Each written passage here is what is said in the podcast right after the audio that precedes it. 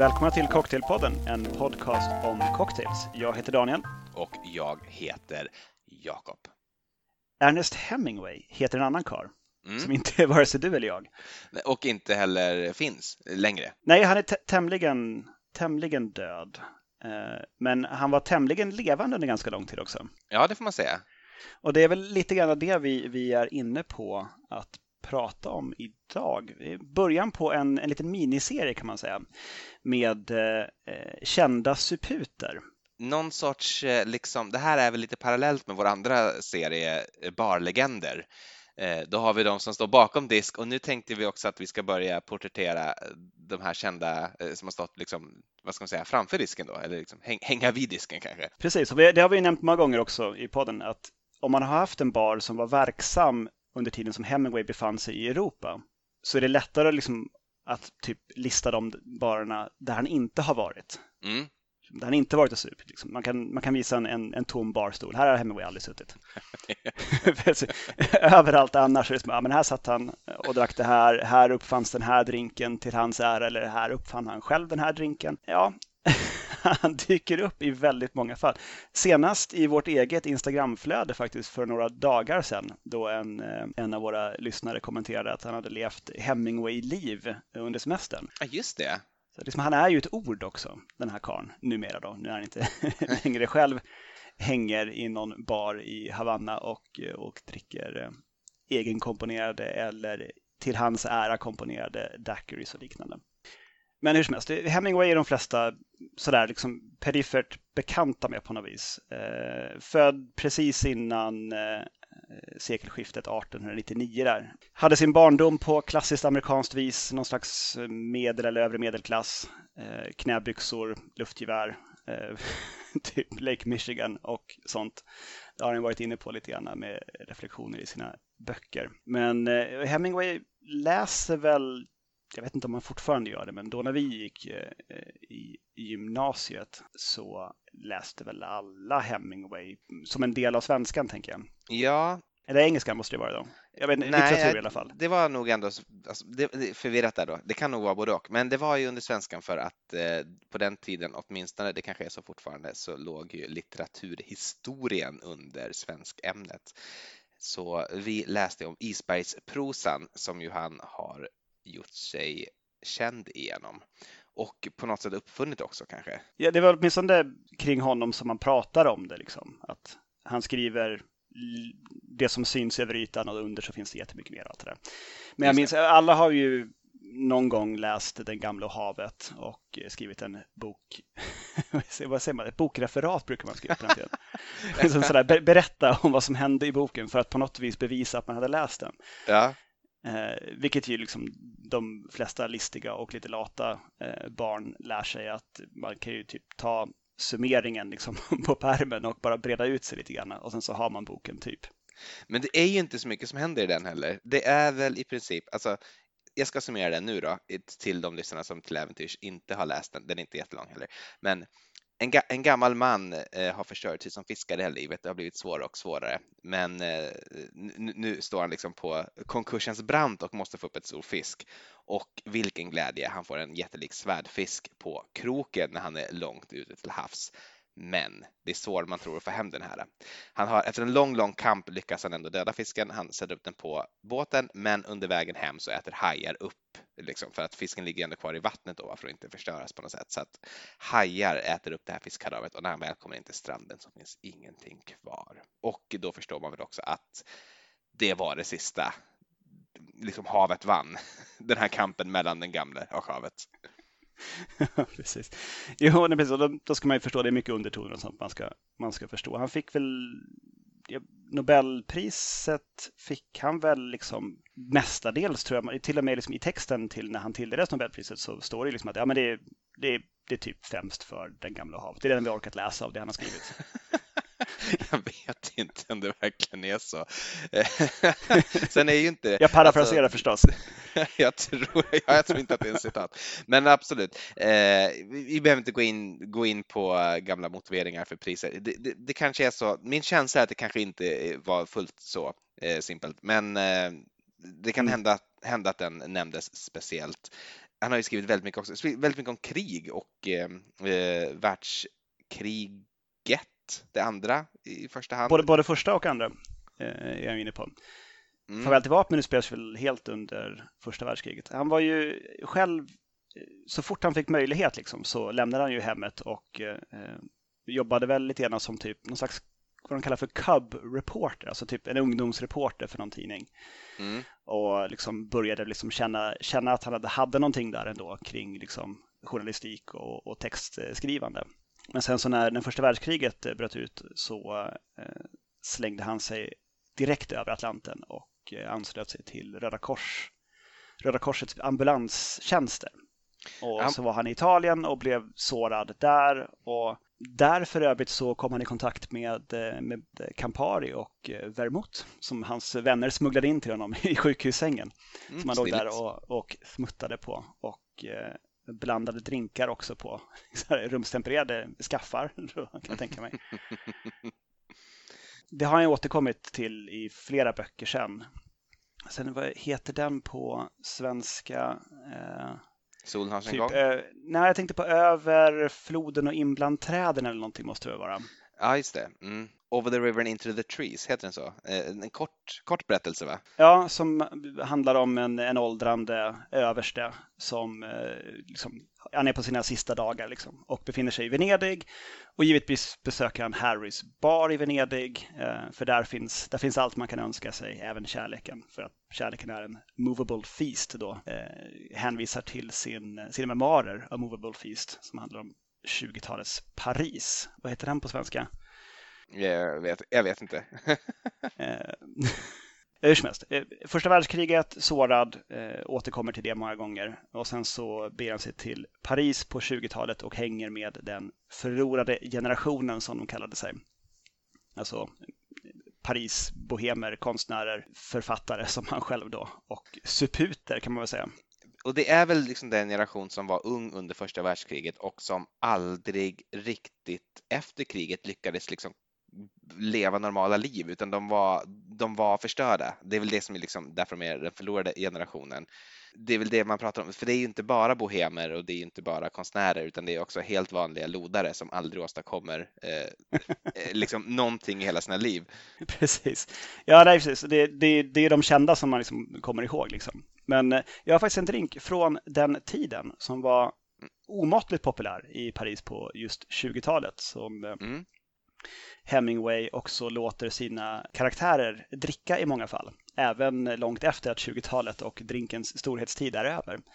Nämligen en Brandy and Soda, eller yeah.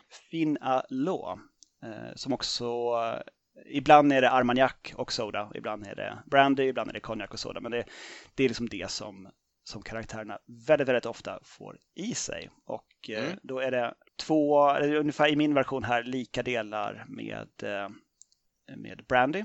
Och då är det den här äh, Pierre Ferrand Renegade Barrel som då faktiskt också är en Brandy i och med att den inte jag vet, den, den eh, ligger en stund på kastanjefat så får den inte kallas för konjak längre, även om den ju kommer från konjakområdet. Just det. Eh, bygger glas med eh, vacker, klar och härlig is. Och eh, förvånansvärt gott faktiskt. Jag är alltid lite skeptisk till någonting, någonting och soda. Mm. ja. Men i och med att det här är en sån fantastiskt god eh, brandy så eh, ja, det här är jättegott. Vad kul. Och sen så är det också lite varmare nu än vad det har varit eh, senaste tiden så att det passar bra in i att svalka sig med. Eh, då, jag kan haka på lite grann eh, direkt där då. Det, det, här är ju såklart eh, vi, vi, ja, vi, vi, har ju liksom inte gjort någon manus riktigt för det här avsnittet så att det, vi kommer väl ta det liksom hoppa fram och tillbaka. Men det handlar ju om det är någonstans att vi, vi, vi ska testa drinkar i Hemingways fotspår och eh, liksom genom hans eh, eh, litteratur. Mm, jag har lite, lite skrönor och berättelser också som har just med kring alkoholen i hans liv. Spar dem. Eh, vi kommer att få, få möjlighet att återkomma till det.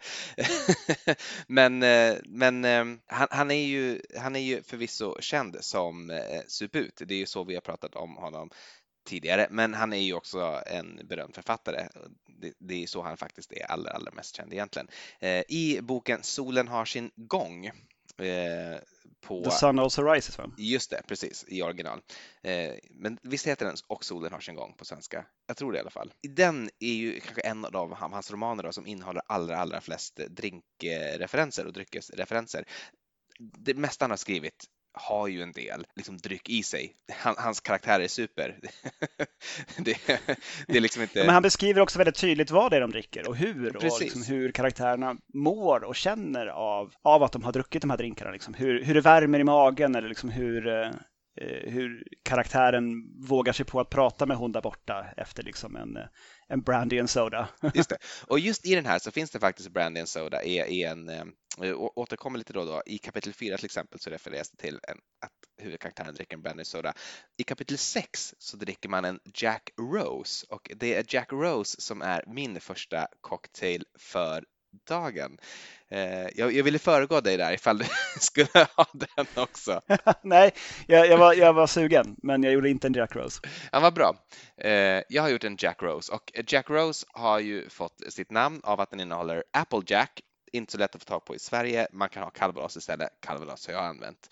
Eh, Rose gissar jag att det har fått sitt namn av att den också innehåller grenadin. Dock, som du kan se i webbkameran här, så är den inte speciellt rosig, utan den är ju mer så här liksom äppelorange som eh, eh, eh calvados är. Så calvados har mer färgat den här än grenadinet. Det kan bero på att jag haft hemmagjord grenadin i den här och inte den här extremt röda köpesvarianten som man kan hitta i affären. I en Jack Rose då, så ska det vara en och en halv ounce med, eh, med calvados eller Applejack, tre fjärdedels ounce med lime eller citronjuice och jag har använt citronjuice och sen ett halvt ounce med grenadin och det här ska skakas och finsilas till ett lämpligt glas. Jag har ett Nicanora-glas. Sen så står det då att man kan välja om man vill garnera med lime eller med citron och jag har valt citron eftersom jag har haft citron i också så tycker jag att citronzest passar bättre. Eh, receptet är hämtat från liquor.com som vi har hämtat en del andra recept ifrån tidigare också. Ganska eh, användbar sida om man vill hitta bra drinkrecept. Jag ska ta en sipp av det nu. Extremt gott faktiskt. Det här, det här, det här är ju en drink som hade sin storhetstid på 20 och 30-talet och det är väl ingen slump att det är just liksom nu som den förekommer i Hemingways litteratur. Men att den inte har levt kvar är ju synd och skam, för det här är den här kan verkligen den kan mäta sig med allt som man får i en modern bar. Den var otroligt god. Det är ju en sorts sour som du hör, så att det lär väl knappast överraska någon att, att äpple och citrus passar bra ihop, men Ja, det är någonting också att ha alltså grenadinet istället för socker. Det gör någonting och det, det tar den här från en fyra till en femma. Jag, jag ger den, en, nej, den får en full femma faktiskt. Den är fantastisk. Mm -mm. Hemingway själv hade säkert bett att få den med lite eller ingen grenadin. Ja. Det är väldigt vanligt förekommande att hans drinkar som han själv har gjort eller som liksom är gjorda till, till honom specifikt eller som han bara som han omnämner så att det är väldigt lite eller inget socker i dem. Och det, han hade väl någon sjukdomsbild där kring någon slags diabetes eller någonting. Han ville undvika socker, men alkoholen var okej. Okay. men, men, men det sockret, det, det, ska men, vi, det ska vi hålla oss borta från. Diabetesen tror jag kom sent i hans liv och viljan till eh, torra drinkar hade han med sig redan från början, vilket också tycker jag att det är lite förvånande att han utvecklade diabetes. För han verkar, all, han verkar aldrig ha gillat socker. Men... Han, han, levde ju ganska hårt på andra vis. Liksom. det får man säga. Förvisso sant. Um, han plockade med sig en del saker från sin tid i Frankrike, mm. som uh, till exempel sin livslånga kärlek till absint. Mm. Och för den delen till champagne också. Mm. Jag tänker på uh, jag har inte gjort den här, men jag tänker på, vad heter den, Death in the Afternoon, som ju är eh, absint toppat med champagne och egentligen ingenting annat. Precis. Nu i en modern Death in the Afternoon så har du ju lite citron och socker också eh, och eh, trycker ner absinten ganska rejält. Jag föredrar faktiskt en Death in the Afternoon gjort på pastis snarare än absint, men det är bara jag. Hemingways recept var väl egentligen hälften absint, hälften champagne va, från början?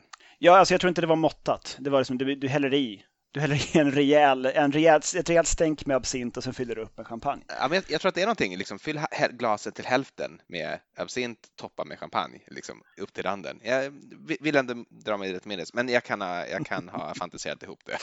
det är möjligt.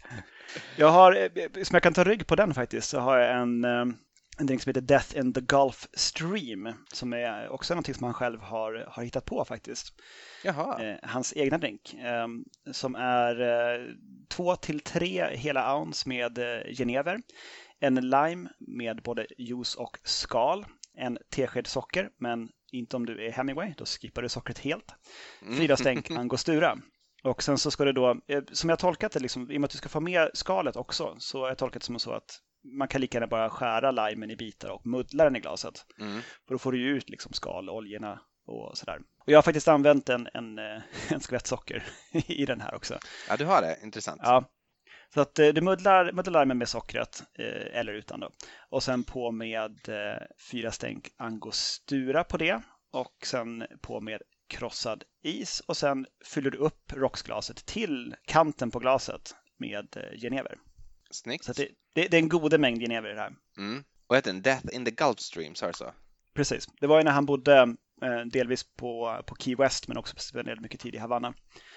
Eh, och åkte runt med sin båt och eh, fiskade. Det här är under eh, sent 30 och tidigt 40-tal, så under andra världskriget.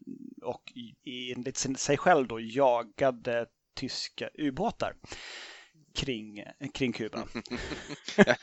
han, han, fick aldrig fatt i någon ska tilläggas, men det var liksom ändå en, en, en förevändning för att vara ute mycket på havet och eh, typ med, med gevär ombord vara liksom beredd att, eh, att jaga ubåtar.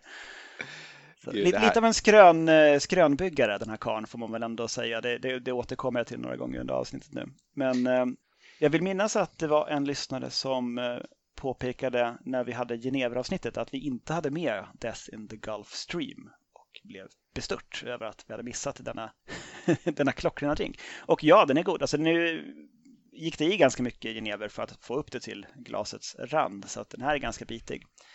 Den är ganska mm. skarp i tonen och då är det ändå lite socker i liksom. Eh. Att, eh, den där, jag vet inte, det blir svårt att träffa den där jäkla ubåten efter några sådana här på däck liksom. Jag kan haka på lite grann det här om hans eh, vilja till torra drinkar, för så verkar det verkligen ha varit, att han han gillade inte socker. Märk, märklig inställning till livet, men jag, ska, jag ska bara gå med det. Eh, La Floridita heter ju en av de klassiska barer, nu måste du hjälpa mig här, är det, är det i Kuba eller är det i eh, Key West. Nej, det är i Kuba. Ja, det, det, det är Havanna. Det är Havanna, ja, precis. Eh, La Floridita i Havanna, där han då... Finns fortfarande kvar förut. Ja, eh, det, jag kommer att komma lite grann till det också, att många av han, de här barerna som han hängde vid, som är liksom de klassiska Hemingway-barerna, är så himla oansenliga. Jag har nu liksom bildgooglat dem och ser hur de ser ut och det är verkligen, alltså så här, hål i väggen jätteintressant tycker jag. Utom i Paris, där är det liksom klassiska barer, för där är väl Harris bar och Hotel Lutetia Eh, där han... Och, och Ritz också. Och Ritz också, precis, verkligen. Så, så, där är det liksom fancy stuff, men när han var på liksom sin sida av Atlanten så är det verkligen oansenliga barer. Eh, typ Sloppy Joes i eh, Key West. Mm. Det, det är, liksom trotsar all beskrivning. Det är verkligen en sylta.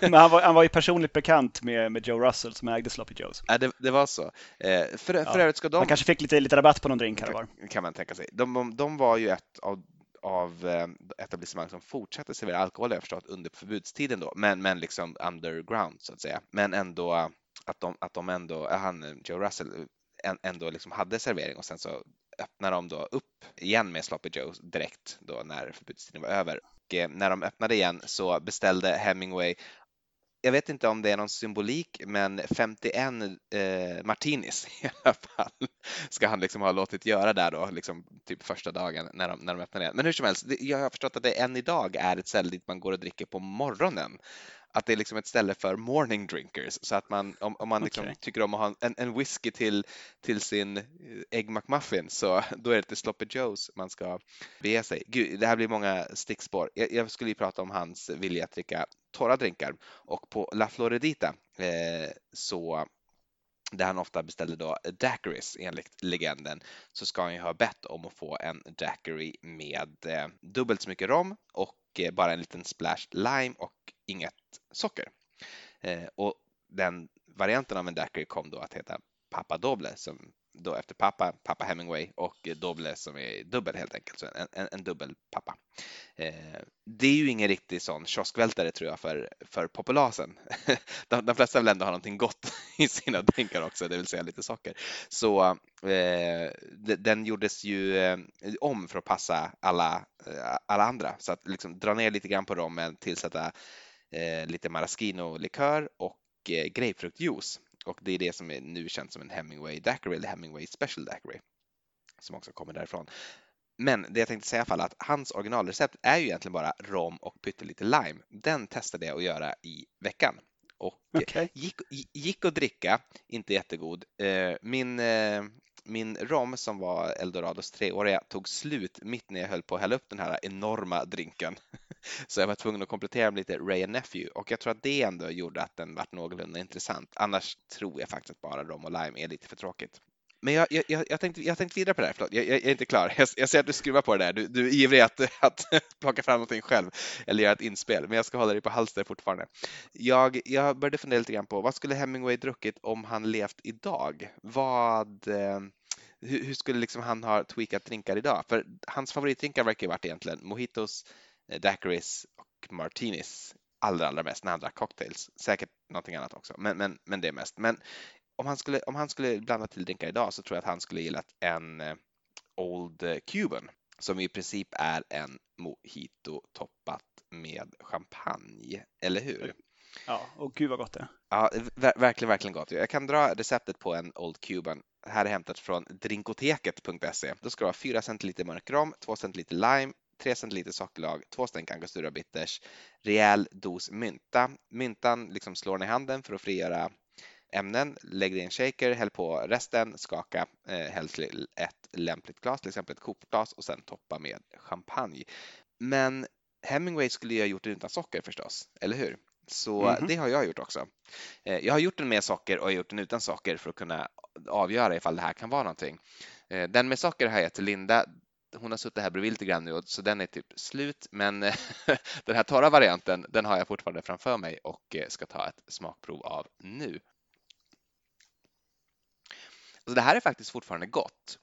Men det är så ofattbart mycket sämre än, än, än med, med socker i det här är verkligen så här, om jag skulle få den här eh, serverat till exempel hemma hos en vän som har gjort, eh, liksom piffat upp eh, sin prosecco eller cremant så skulle jag tänka, ja men fan bra jobbat, det är helt, helt okej. Okay. Det är liksom lime, det är, det, det, det är torrt, torrt och gott, men den slår ju inte den ofattbart goda smaken av en, av en riktig Old Cuban som jag har i ett litet rocksglas här faktiskt och nu vill komplettera med. Ja, där har vi det. All, allt, allt, allt annat smakar ju mer när man har socker. Det är intressant det här med smak. Vad är det som gör att det blir så gott bara man har lite socker? För det är inte sockret bara, det är liksom att alla smaker kommer fram på ett bättre sätt. Ja. ja jag, tror tanken är att vi ska, vi ska få i oss socker helt enkelt. För, alltså då när våra smaklökar utvecklades. Så det var, det var allting som var lite socker i, det skulle vi bli glada för. Så jag tror att det är det. Jösses, vilken rant du körde på. Bra gjort. Ja, jo. Eh, jag, jag, är kvar lite grann vid, eh, vid Floridita bar och Rai, Ribba Laigua, som karln heter, som då var liksom bartender där när eh, Hemingway rumlade in där för att låna toaletten en gång och sen blev kvar och egentligen aldrig gick därifrån. Han finns, han finns kvar än idag faktiskt som en bronsstaty i änden av baren där han satt. Och de brukar ställa fram en, eh, en daiquiri eh, varje dag framför den här statyn som en liten hommage till karn där. Så kan man låta fotografera sig med eh, Il Papa då, om man vill. Eh, men jag gjorde en eh, 1947 års recept av en eh, Papa Doble a.k.a. The Wild Daiquiri eh, i någon receptbok som Floridita själva gav ut tror jag. Okej. Okay. Som är 3 och 3 fjärdedels ounce eh, ljus rom, 2 ounce limejuice, 2 ounce grapefruktjuice och då ska det vara vit grapefrukt. Och sen, håll er nu, 6 droppar eh, maraschino. Ja, jag känner igen receptet. Men det är goda mycket rom alltså. Mm. Men det är gott också. Jag tycker att maraschino kommer igenom väldigt bra och i och med att grapefrukten också har lite sötma i sig så blir det inte riktigt så spritigt som det annars hade varit. jag tror att han också hade någonting att göra med det här med att det skulle vara grapefrukt och, och lime eh, kombinerat eh, i Ja, liksom receptmakandet där, att liksom han varit inblandad i det. Eh, och det finns också lite spår av det tidigare, alltså på, liksom, på 20-talet eh, Eh, med en drink som heter Bailey som är eh, påhittad av Hemingways kompis Gerald Murphy. Och han skrev om den här i ett brev till en eh, Alexander Woolcott som är ett vagt bekant namn, oklart varför. Ehm, den här Murphy i alla fall, han var den som ofta gjorde drinkarna liksom lite sådär showigt. Nu ska vi gå ut på altanen och dricka mina drinkar. Tydligen något av en douchebag enligt Hemingway själv. Men det var ju när de hade liksom stora middagssällskap med eh, liksom paret Fitzgeralds och Picasso var där och liksom hela, hela det gänget liksom. Mm. Och där har vi då ett och ett halvt ounce eh, gin, ett halvt ounce grapefruktsjuice, ett halvt ounce limejuice och en tesked sockersirap, ett, eller inte om du, Mm. om du vill vara Hemingwayesk, samt en myntakvist. Och det här ska du då riva sönder myntan och lägga ner den i ett mixingglas. Sen på med ginen och låta det stå i några minuter och dra. Och sen på med grapefruktsjuice, limejuice och eventuellt socker då. Och röra det här med is fastän det då är en eh, citrusstinn cocktail. Okej. Och eh, sila till ett kylt glas och garnera med lite mera mynta. Och det hör du ju liksom. Jag använder lite socker faktiskt också i den här. Jag vill inte gå helt, eh, helt Hemingway på den. Och eh, som sådan så är det här en väldigt, väldigt bra drink. En, alltså, myntan kommer igenom förvånansvärt väl fast den bara är rörd, liksom inte, inte hårt skakad. Mm. Så man skulle kunna spekulera att eh, den här eh, Bailey då, som drinken heter, att det skulle kunna vara som en liten en, en, en, en viskning in i framtiden till vad som sen skulle komma på eh, Floridita. Ja, verkligen. Eh, intressant. Jag har inte kommit i kontakt med den innan. Det finns ett känt Hemingway-citat förresten. Det här är, här är jag tänkt få in redan i mitt långa, långa rant. Eh, nu kommer det lite efteråt. Som är att eh, han, han gillade ju champagne, vilket är helt förståeligt. Och han lär ha sagt att eh, the half bottle of champagne is the enemy of man. Alltså halv, halvflaskan, det, det, det är liksom vår, vår största fiende. Och jag har ju använt en halvflaska till min eh, torra eh, Old Cuban, så jag tänkte att namnet för den får, får bli The Enemy of Man. Det är bra. Han, han fortsätter väl också med att säga att If I ever have any money, the best way I can see to spend it is on champagne. Eller något sånt. Nå någonting snarligt ja. i alla fall. Känns också igen. Jag tror att när han sa det så var han ju en framgångsrik författare och rik. Så att, men jag tror han kanske tänkte tillbaka till 20-talets eh, fattiga Paris. Det, det är en sak förresten angående de här författarna på den här tiden, att de, alltså hur rika var de egentligen? För Lutetia som vi pratade om, eller nämnde alldeles nyss, en av de här Parisbarerna som man hängde i, är ju ett hotell också. Och jag vet inte hur mycket det kostar att bo där, men jag läste att de nyligen hade renoverat för 200 miljoner euro. Så det är två miljarder kronor drygt i en renovering. Av det kan man ändå dra slutsatsen att de förmodligen liksom brassar på lite grann och att, att de liksom det, det, det är ett ganska fint ställe. Det, det är ganska dyrt att bo Mm. där helt enkelt. Säkert liksom minst... Men jag tänker mig att alla de här författarna, de hade ju rika kompisar. Mm, är Så det, det var alltid någon som var med liksom, som, var, som ville ha lite, lite den, här, eh, den här stjärnglansen från, från författarna och liksom kultureliten. Att få, liksom, få känna Mecenater. sig som en del, ja precis, men som typ var med liksom, och festade med dem och umgicks med dem och eh, kanske tog en större del av notan än vad som de själva hade druckit. Ja, men jag kan, jag, jag kan förstå barerna i och för sig, alltså det är ändå bara, det är ju bara beställningar. Men jag läste då angående det här att James Joyce eh, bodde på eh, Lutetia och eh, skrev stora delar av Odysseus där medan han bodde på Lutetia. Och eh, om det är någon som har försökt liksom läsa den här boken så vet man att den är ganska omfattande. Så han lär ändå ha varit där ett tag för att kunna skriva större delen av Har du Odysseus. kommit igenom den? Eh, nej, jag har inte det. det, går inte. Nej. det, det är, om någon som lyssnar nu faktiskt har läst hela Odysseus, hör av er till Cocktailpodden och, och berätta hur, hur, hur fan det gick till. Inte att blanda ihop med Odysseen av Homeros då, utan Odysseus av eh, James Joyce. Men, men Hemingway var tydligen också, hängde då på hotellet samtidigt och typ korrläste och så här, gav honom feedback och sådär. Men, men, men min poäng är bara att det känns som det var ganska vanligt att författare tog in på extremt dyra hotell och bodde där ett år och skrev en bok. Är inte typ så här, ja men typ att så Agatha Christie skrev Orientexpressen när hon bodde på Paris Ritz eller något sånt. Och menar, det måste ändå ha, det måste ändå liksom kanske kostat en miljon kronor i, i liksom nuvärde, även för de billigaste rummen, att bo där så länge. Ja, jag vet inte. Men man kanske fick mycket mera för, för författarskap på den tiden. Ja, jag, kanske. Jag inte. Jag, jag, jag, bara tycker det är så intressant, det måste, man har haft så himla, himla mycket pengar. Um, var, var var jag någonstans? Jo, eh, Hemingway Daiquiris och allt det där. Eh, jag hade någon liten slutkläm där att eh, det, det finns bekräftat från flera källor, däribland Konstantino själv på La Floridita, att Hemingway vid ett tillfälle ska ha sänkt 17, jag läser igen, 17 dubbeldaiquiris under, Oj. en, eft- under en eftermiddag 1942. Kul. Det här är bekräftade, liksom, det bekräftas från flera håll. Att, ja, nej, men han var inne här och under en eftermiddag så drog han i sig 17 stycken eh, dubbel daiquiris. Jag, har inte ens, jag hade tänkt att jag skulle typ räkna ihop hur mycket det här skulle bli, liksom. men det, det är ganska mycket rom. Det måste ändå vara ett par flaskor om. Är det inte det? Ja, ja, men det måste vara något sånt. Bara liksom, och så lite limejuice på det. I, slutet, I slutet av sitt liv så var han ju tvungen att eh, ge upp alkoholen och sluta dricka och eh, då kunde han bara dricka då en liter vin och en cocktail per dag. Eh, då har han slutat, ja. så, så det är ändå när, när, han har liksom, när han har slutat, då är det ändå, det är ändå de mängderna. Det, det, är, det är intressant, det säger någonting om eh, hur han levde sitt liv. Jag vill uppmana alla som lyssnar på den här podden att Eh, inte dricka som Hemingway.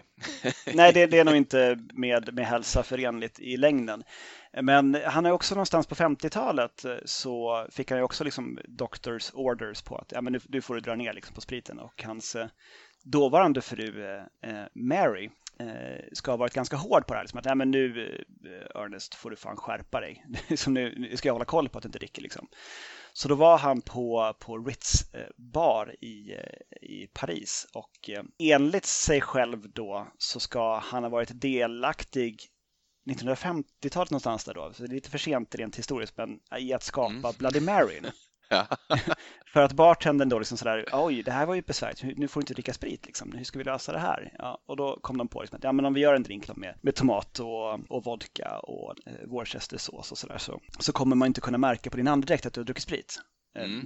för då är det helt lugnt. Och eh, namnet då just är liksom för att hans eh, Bloody Wife var så, så hård på honom kring spriten. Eh, naturligtvis stämmer inte det. det, det fanns ju Bloody Mary-recept eh, innan 50-talet också så att det, det är ju inte så att han var del, delaktig i det här på något vis. Men det är ändå att han själv liksom ska ha, ha kört den här grejen och att han också har introducerat den till den kinesiska befolkningen enligt sig själv. Jaså? Introducerat Det jag- Mary till, till Kina. Och där stämmer inte heller kronologin för att liksom det, han skulle ha uppfunnit den då eh, på, på Ritz på 50-talet men eh, han var i Kina på 40-talet. Så att, eh, Men när är, det inte. han, när är det han dör? Han dör på 50-talet va? Eh, 60-talet, 61. Det är 61, okej. Mm. Jag hade fått för mig att det var typ 56 eller någonting. Han är kvar hela 60, eller 50-talet i alla fall. Då. Han, vi har varit inne på att han gillade torra drinkar. Vi har varit inne på att han hängde på Harrys bar. Harrys bar för övrigt känd för att ha uppfunnit Bellinin. Kanske bara ska nämna det. Eh, champagnedrink med persikopuré och persikolikör va? Ja, och eh, han nämner ju den här, det, det är Harrys bar i Venedig då. Ja just det, förlåt, förlåt. Eh, inte Paris naturligtvis. Utan Det, fin- det finns ju Harrys American bar ligger i Paris och Harrys bar ligger i, i Venedig. och- Korrekt. Där har man liksom sådär pratat med eh, sonen till han som hade Harrys bar på den tiden. Sagt, liksom, ja, men det var, var kul liksom, att, eh, att ni fick så mycket publicitet. Det måste ju varit bra för er business. Liksom, att, eh, att Hemingway skrev så mycket om er. Bara, ja, alltså det där har ni nog förstått lite fel. Eh, han blev ju inte en känd eh, författare förrän efter han började skriva om Harrys bar i Venedig. Så att, det, det är nog snarare så att det är vi som var, liksom, såg till att han fick lite Nobelpris och grejer.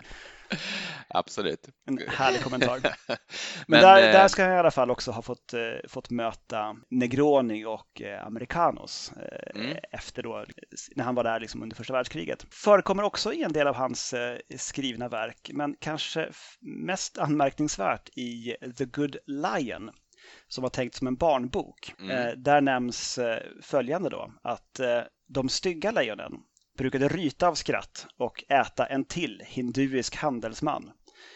Medan det goda lejonet artigt frågade om man kunde få en negroni eller en americano. Han drack alltid hellre dessa än blodet från hinduiska handelsmän.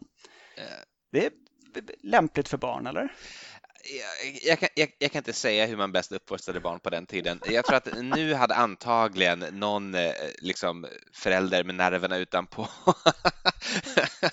lämnat in en liten lapp till förskolan där de bad att man inte skulle läsa den här. Men eh, eh jag, jag, dömer inte tidigare generationer. Nej, han, han, var, han var väl aldrig riktigt något av en, en, en bra pappa heller, får man väl ändå han, hade, han hade fyra fruar och tre barn, men aldrig riktigt någonting av en pappa. Eh, och detta trots att han ju kallades för pappa, så där har vi ett, ett, historiens ironi. Eh, det jag egentligen tänkte komma in på med Harris eh, bar är ju att de är också kända för en speciell martini, nämligen Montgomerys martini, som enligt vissa källor åtminstone Hemingway drack, drack och enligt vissa också att han har liksom initierat då, eller kommit på.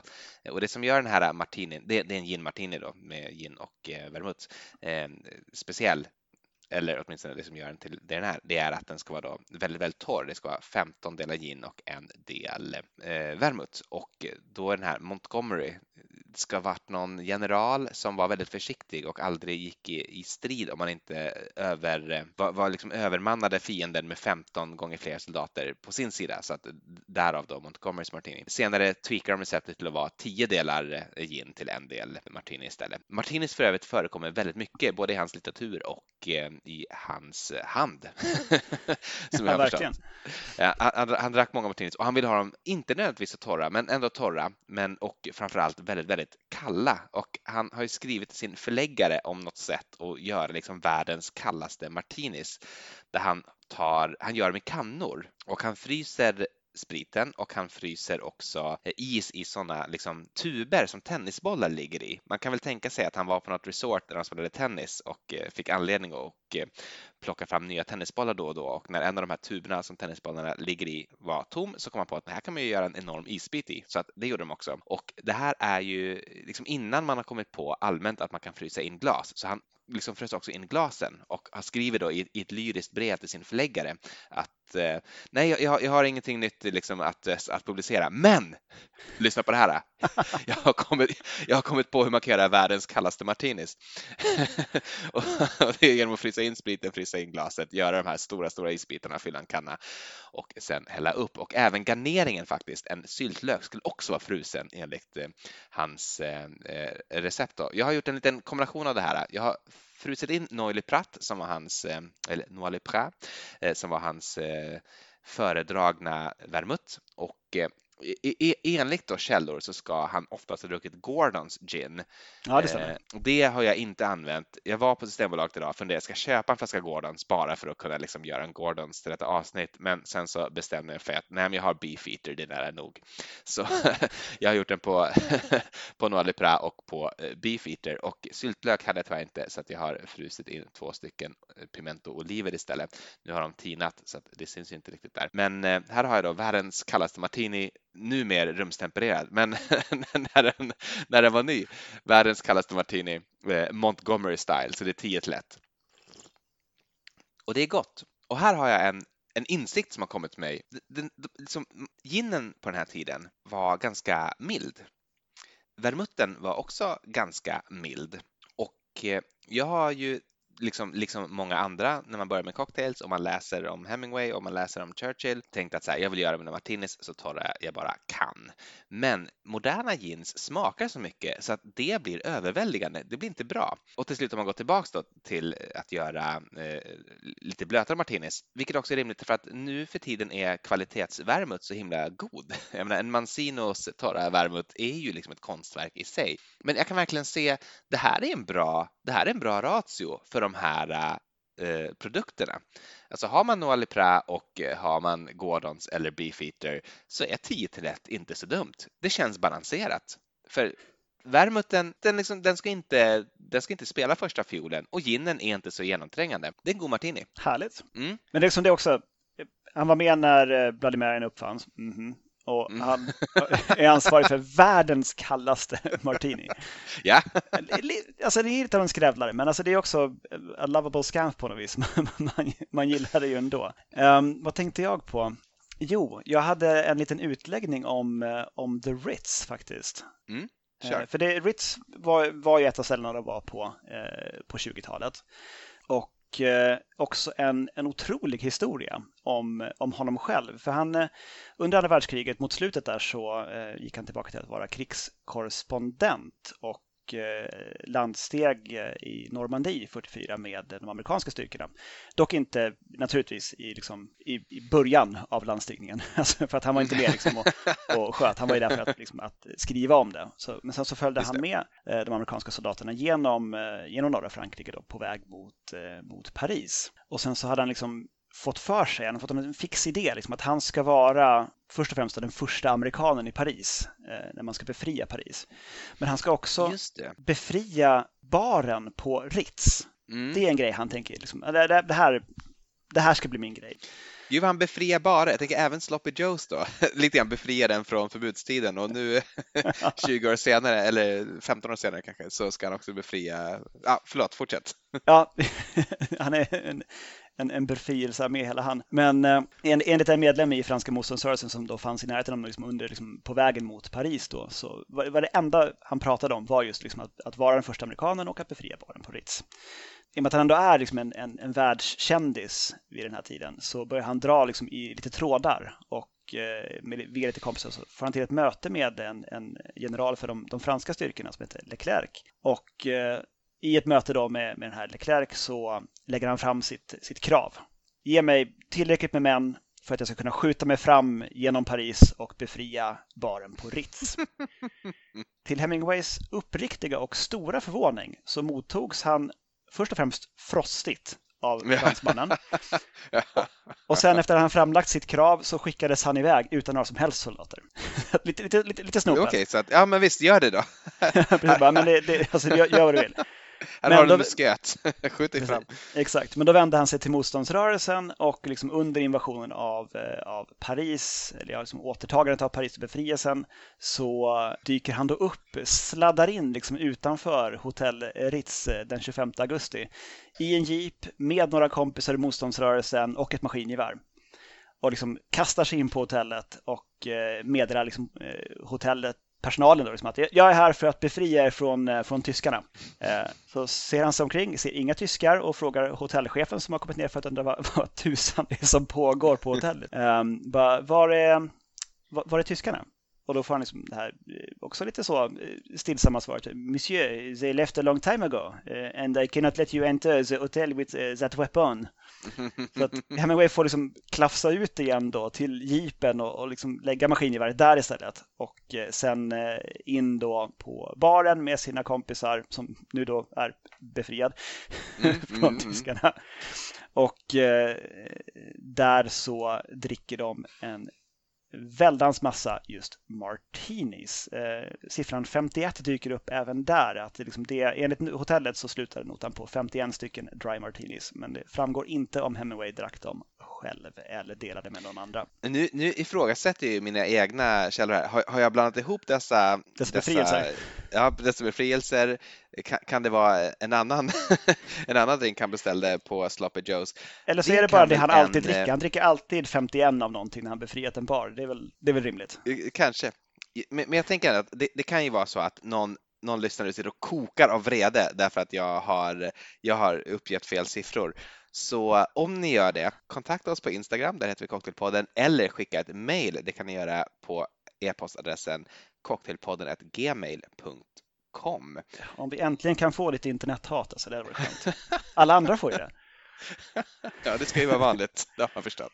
Men eh, Hemingway har också sagt eh, i någon intervju eh, just om Ritz, som liksom att verkligen förklara liksom, platsen som Ritz tar i hans liv. Han har sagt att uh, when I dream of afterlife in heaven, the action always takes place in the Paris Ritz. Mm. Så det är en stor, det är en stor del av hans liv.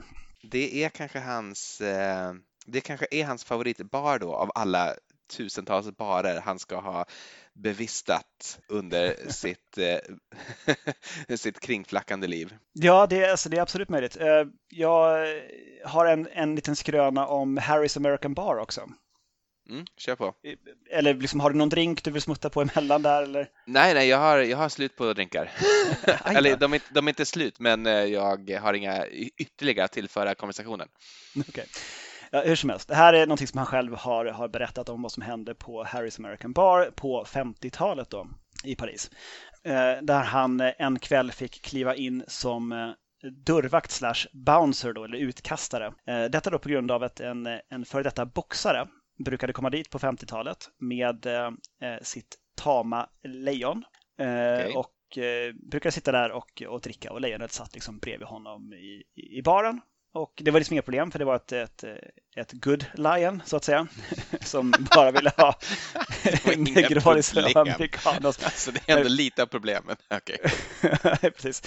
Så att eh, lejonet var väl, väluppfostrat, eh, försökte liksom inte ha ihjäl någon och så liksom satt där och tog det lugnt. Men vad lejon gör av naturliga skäl är att de, eh, de, de bajsar och det gjorde mm. även det här lejonet. Så liksom det satte sig på, på Harrys eh, golv och, och liksom gjorde ifrån sig. Och, eh, och ägaren då, eh, självaste Harry, bad då den här boxaren, men, men du får liksom du får ta ditt lejon och, och, gå ifrån. Du får själv komma tillbaka, men ta inte med dig lejonet. Och sen dag två så kommer boxaren tillbaka med lejonet och lejonet bajsar på golvet. Och sen dag tre, då börjar Hemingway ana oro för att herregud, tänk om Tänk om Harrys American Bar i Paris måste stänga på grund av det här lejonet.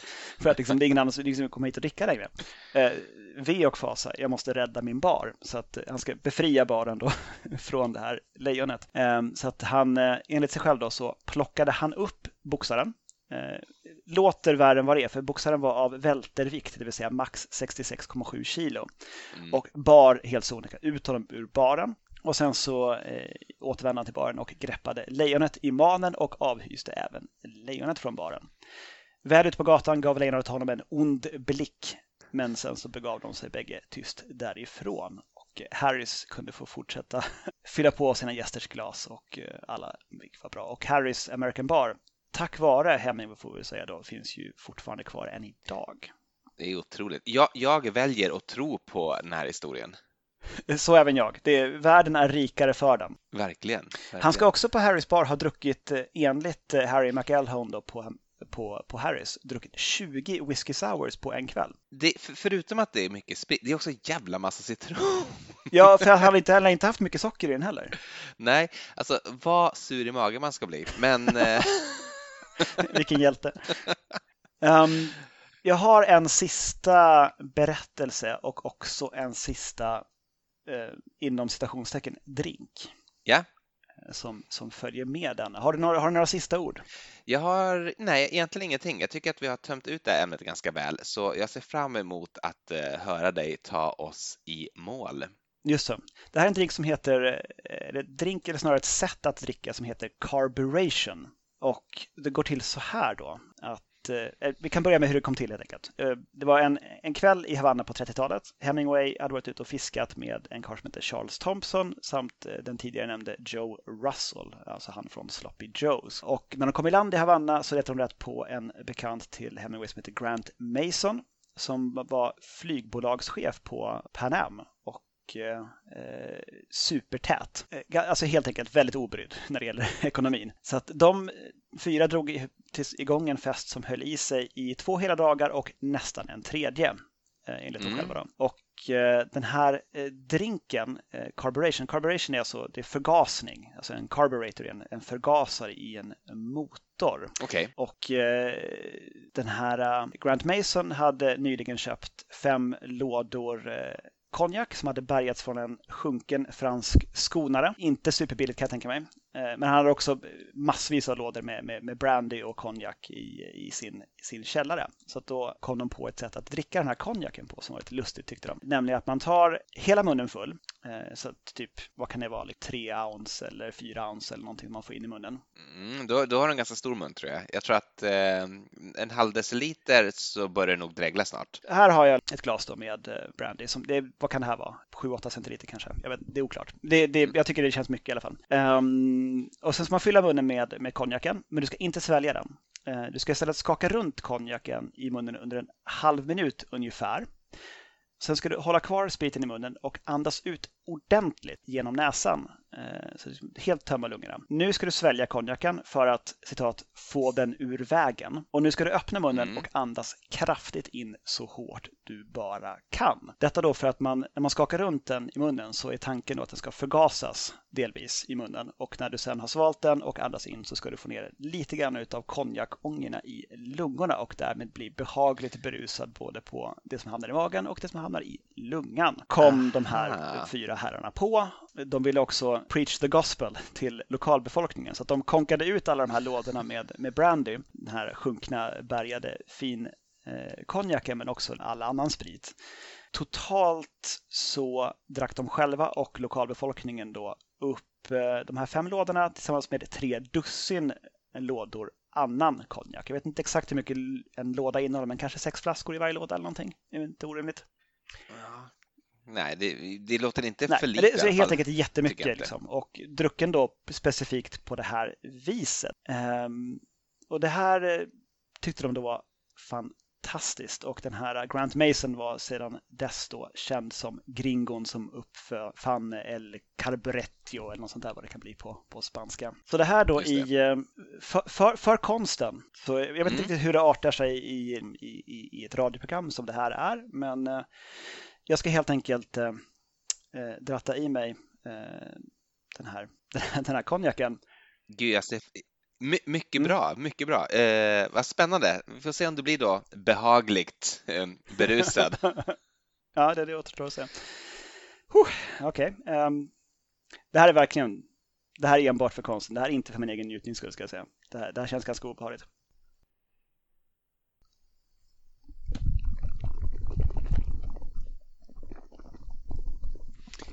Det här kommer vi hålla på ett tag då, så jag kan berätta vad jag ser. Det är en ganska lustig syn i webbkameran. Daniel är liksom svullen och skakar lite grann som man kan göra på en skräckfilm. Eh, hans ansikte har blivit suddigt.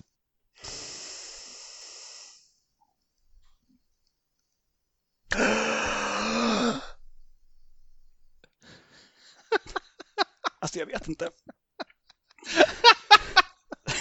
Det är så himla konstigt. Bland det obehagligaste jag har gjort i alkoholsammanhang. Åh gud. Jag är alldeles svettig. det är fruktansvärt. Jag är helt marinerad också i, i, i, i konjak.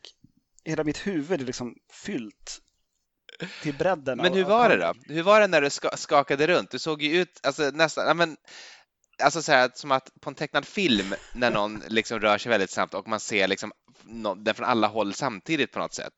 Eh, det är väl på grund av den här dåliga upplösningen också, men så, men så såg det ut när du liksom skakade runt med konjaken i munnen. Ja, gud, att det var så mycket också, det är det. Liksom, att det, verkligen hela munnen är ju full från början, så det blir svårt liksom att få något utrymme i munnen riktigt där man kan förgasa det här. Då. Så vi får liksom ändå mm. blåsa upp kinderna som en, som en hamster. Alltså, jag vet inte, det är, det är väldigt torrt förstås. Alltså det är mm. uttorkande i munnen av, eh, av alkohol. Men det, alltså nu, nu kan vi inte spela in mycket längre till i och med att jag snart kommer att vara raketers. Eh, det, det, var väl den här liksom två dagars plus en del av en tredje dag-fyllan som de drog igång då. Mm. Satt, satte eld på ett, ett, ett kvarter i Havanna. Det känner jag att jag är beredd att gå ut och göra nu. Det tycker jag får bli våra slutord i denna serie av kända historiska stuputer som alltså börjar med Hemingway och eh, slutar åtminstone detta avsnitt med carb Carburetor konjak.